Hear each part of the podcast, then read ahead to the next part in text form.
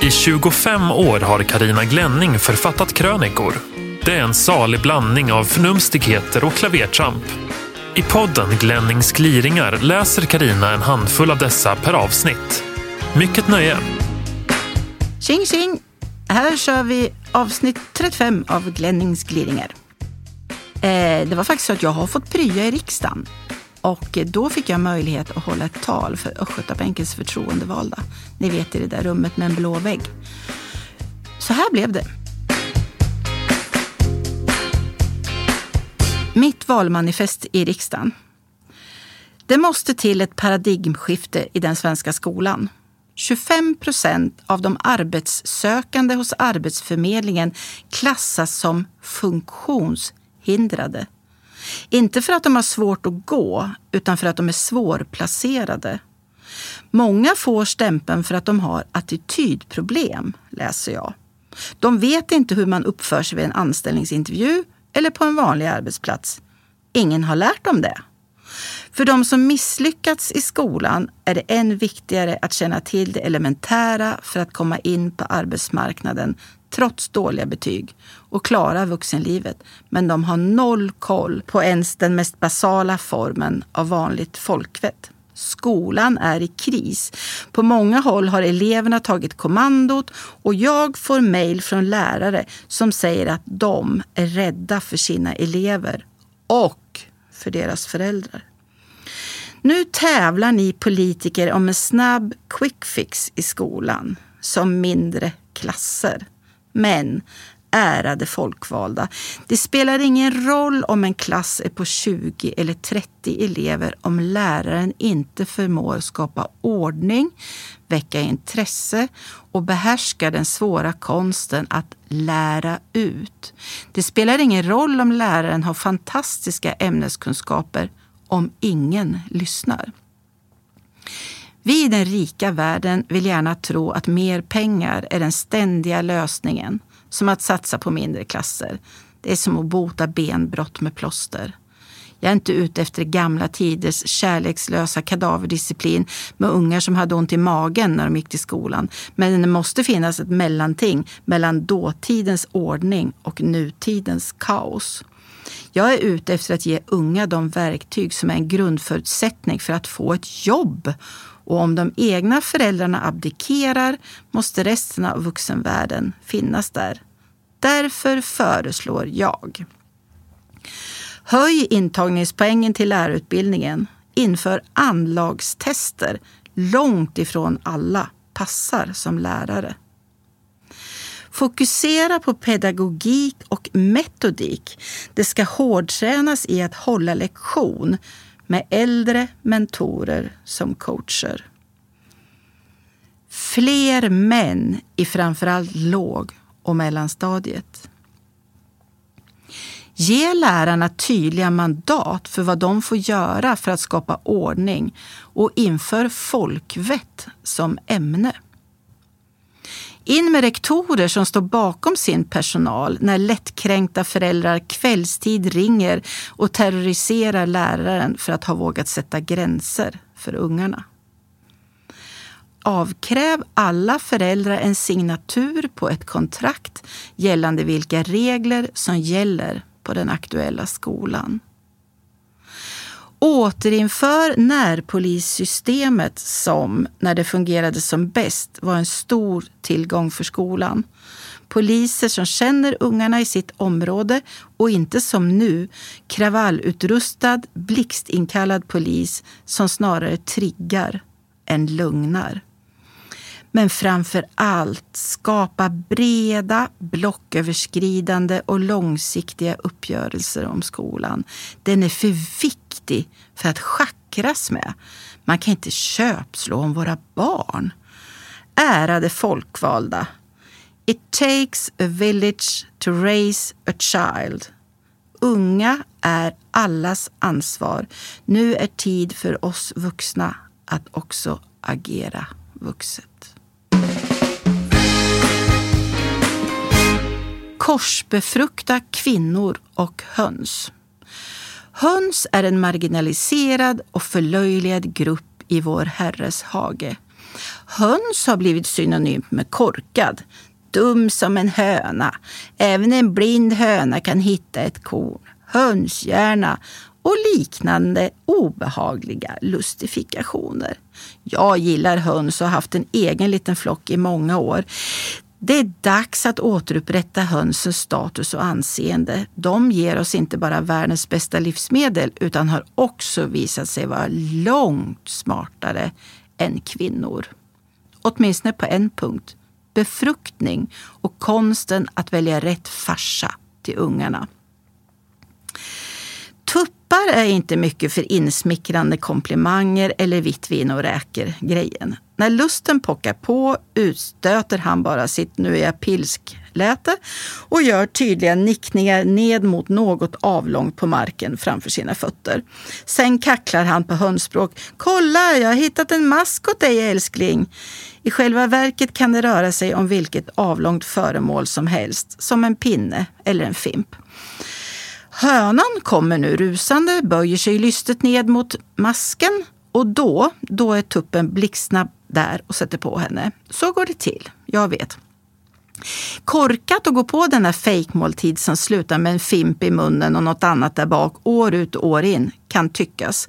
Men forskare vid Linköpings universitet har visat att hönan inte är så korkad som det kan verka. Hönan sparar nämligen spermierna inuti sin kropp och kan sedan välja dem från den lämpligaste tuppen för att befrukta äggen. Allt för att ge sina kycklingar ett optimalt immunförsvar och för att förhindra inavel. Men detta är ju lysande! Tänk om vi kunde implementera denna finurlighet i kvinnokroppen. Det gäller alltså att initialt inte vara så nogräknad för att sedan verkligen bli det. Samla på sig spermier från många olika karar och göra urvalet efterhand när man har facit i hand. Göra urvalet efteråt. Så här ser jag mig framtidens optimala barnalstrande. Kvinnor i fertil ålder går ut på krogen och rumlar runt. Ägglossning eller ej kvittar. Våra kroppar har i framtiden blivit uppgraderade och struntar i sånt gammeldags krångel. Varje till synes hygglig kar får följa med hem. Var inte alltför nogräknad i detta skede. Kvantiteten är viktig. Efter alla fullbordade samlag börjar faktadokumentationen. Hur trevlig var A efteråt? Ringde B som han sa att han skulle? Har C setts jaga andra fruns med oroväckande frenesi? Tyckte D att jag var mindre intressant avsminkad? Var E så bakfull att han inte mindes mitt namn? Erkände D efteråt att han föredrar yngre kvinnor? Hade jag och E något att prata om till frukosten? Drog F innan jag vaknade? Förmådde G tala om annat än golf? Här finns utrymme för stor flexibilitet i frågeställningarna beroende på vad hen, som ju inte bara är engelskans ord för höna utan även ett populärt könsneutralt pronomen, prioriterar och ser som viktigt i livet. När alla parametrar är tagna i beaktande är beslutet lätt. Honom ska jag ha! Vem bryr sig om pojkarna? Det går dåligt för svenska elever. Det talas det mycket om i synnerhet för pojkarna. Det talas det lite om. När antipluggkultur anförs som förklaring till pojkars sämre betyg osäkrar jag min bössa. Det var i en statlig utredning 2009 som begreppet planterades. Sedan dess har pojkars påstådda antipluggkultur, trots protester från bland annat lärare, blivit ett mantra. Om flickor gör sämre ifrån sig är de diskriminerade. Om pojkar gör sämre ifrån sig så är det deras eget fel. Tydligen. Att antyda att pojkar får skylla sig själva för att de har låga betyg, det är inget annat än förfärligt. Det är lika korkat som att säga till en tonårstjej som skär sig att ja, du har väl fel attityd helt enkelt.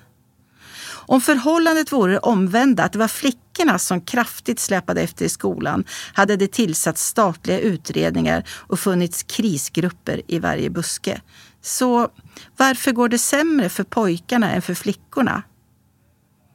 Därför att den typ av undervisning som idag praktiseras, individuellt arbete och egen kunskapsinhämtning, inte passar alla grundskolegrabbar. Flickorna har blivit normen. Lugna, stilla och skötsamma. Precis vad de kvinnliga lärarna önskar sig. Eller? Många grabbar skulle svara bättre på mer disciplinerad katederundervisning som också kräver att de tar sig i hampan och lär sig hålla klaffen. Det i sin tur kräver att det finns lärare som har mandat och förmågan att få dessa bokstavsbehängda, helt normala grabbar att brotta ner sina myror i brallan. Dags att kvotera in lite fler män i grundskolan kanske. Varför görs det inte mer för att hjälpa pojkarna? Därför att de inte är flickor. Vi har nu en gång för alla bestämt oss för att det är flickor och kvinnor som är offer och synd om. Inte pojkar och män. Tvärtom, de är ju förövarna för böven. Det finns många exempel på hur skev svensk jämställdhetsdebatt är. Varje år kommer larmrapporter som skriker att unga flickor mår sämst. För det har de själva uppgett i enkätundersökningar. Om det är sant, hur kommer det sig då att det är killarna som tar livet av sig?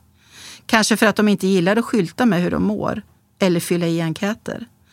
Av alla självmord bland ungdomar står killarna för 75 procent. Pojkar har svårt att få vuxenvärldens hjälp och stöd när de mår psykiskt dåligt. Det börjar tidigt. Stöka i skolan, dåliga betyg, skuldbeläggande för att det är deras eget fel, en växande känsla av otillräcklighet. Samhället noterar det, men det är fortfarande nästan uteslutande flickors problem det talas om. Hur är det möjligt? Den enögda och grumliga synen på jämställdhet tycks ha permanentats i det här landet. Det är inte en antipluggkultur som är problemet, utan en antipojkkultur.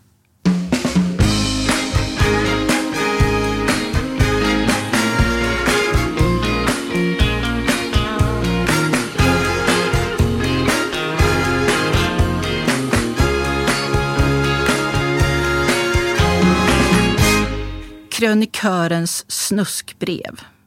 Bättre förekomma än förekommas. Idag ska jag blottlägga mina verkligt mörka sidor. Jag har sextrakasserat en präst och ofredat en riksdagsman. Jo, så illa är det. Och innan någon illasinnad, snokande kollega rotar fram min solkiga bakgrund och producerar artiklar med hemska rubriker väljer jag att frivilligt krypa till korset så kanske jag undgår avsked och löpsedlar av typen Karina skickade sex sms till präst, murvel intim med lokal SD-politiker. Allt är den nya teknikens fel. Eller nya och nya. Smartphones och mejl introduceras ju inte i förrgår precis. Alltså, jag är en rastlös själ, otålig som en tiger efter 14 dagars fasta. Inte sådär i allmänhet, men när det gäller modern kommunikation i synnerhet. Sms och mejl. Fort som tusan ska det gå. Knappt har jag skrivit färdigt förrän mina meddelanden går iväg. Häromdagen var det dags igen. Jag skickade ett trist handlingsmail till gubben. Där stod “Något mer som behövs än mjölk, fil, Bregott, grönsaker?” frågetecken. Som vanligt när jag mejlar honom skrev jag bara de tre första begynnelsebokstäverna i hans förnamn. Alltså THO, så hoppar hela mejladressen upp automatiskt. Men just när mejlet gått iväg insåg jag att det inte alls skickats till gubben. Förutom THO hade jag uppenbarligen kommit åt ett R också.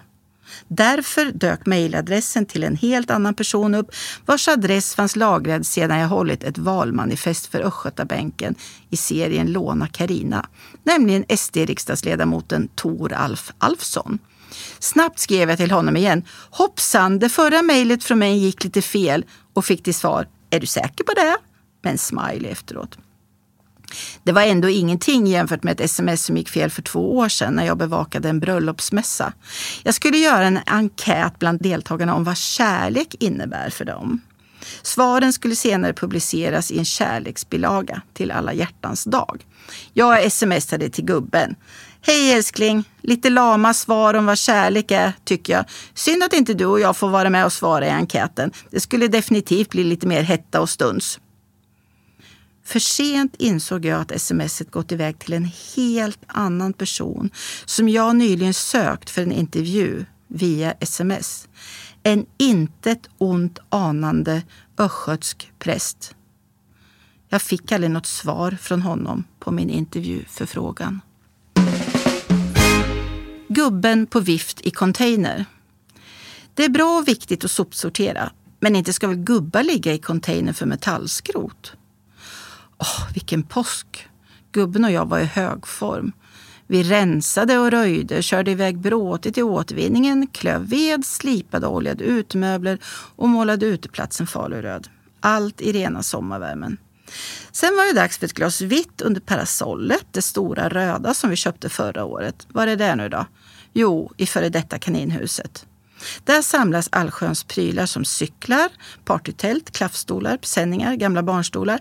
Visst, där har vi det granna parasollet. Och titta, där är foten till det också. Gladeligen fällde vi upp det på uteplatsen bara för att upptäcka att det verkligen inte gick att stå under det. Inte sitta heller, möjligen ligga om man inte lider av klaustrofobi. En del av stången måste fattas. Vad kan den vara nu då? Ett febrilt letande vidtog i alla gårdens prång och uthus, men nej, den fanns ingenstans. Vi struntade i alltihop och gick och badade i sjön istället. Jag kan inte frigöra mig från tanke på hur gubben i höstas kunde undgå att placera de tre delarna till parasollet på samma plats. I sin allmänna röjningsiver har han förmodligen slängt parasollstången. Efter en händelse häromveckan finns det skäl för den misstanken. Gubben hade en riktig eländesmorgon och när en dag börjar med elände brukar den som bekant fortsätta på den linjen. På morgonen på en vårdinrättning lyckades han med konststycket att komma åt larmknappen när han var iväg på ett uppdrag. Gosh, sicket pådrag det blev. Folk kom rusande från alla håll och kanter, övertygade om att han befann sig i omedelbar fara. Men där stod bara en skamsen gubbe som hade tryckt på fel knapp. På lunchen skulle han vara en rättrådig samhällsmedborgare och slänga lite elgrejer på återvinningsstationen. En trasig utearmatur, en kapsejsad adventsstake och lite sånt. När allt var slängt i sina respektive containrar satte han sig i bilen för att köra tillbaka till jobbet. Men vänta nu, var är bilnycklarna? Men vaffa! Han hade haft dem i handen när han slängde i den sjuarmade adventsstaken och tydligen råkat hiva i även dem i containern.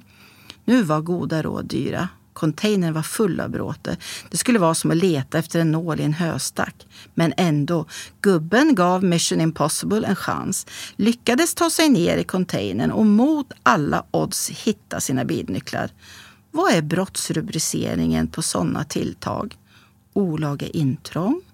Allmänfarlig vårdslöshet, egenmäktigt förfarande, lydnadsbrott, allmän dårskap. Jag är väldigt tacksam att han inte svimmade eller något där nere i containern för metallskrot.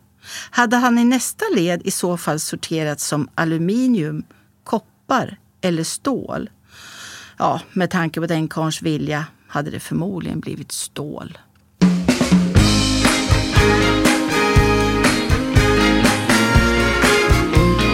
Du har lyssnat på Glennings gliringar. Ansvarig utgivare, Christer Kustvik.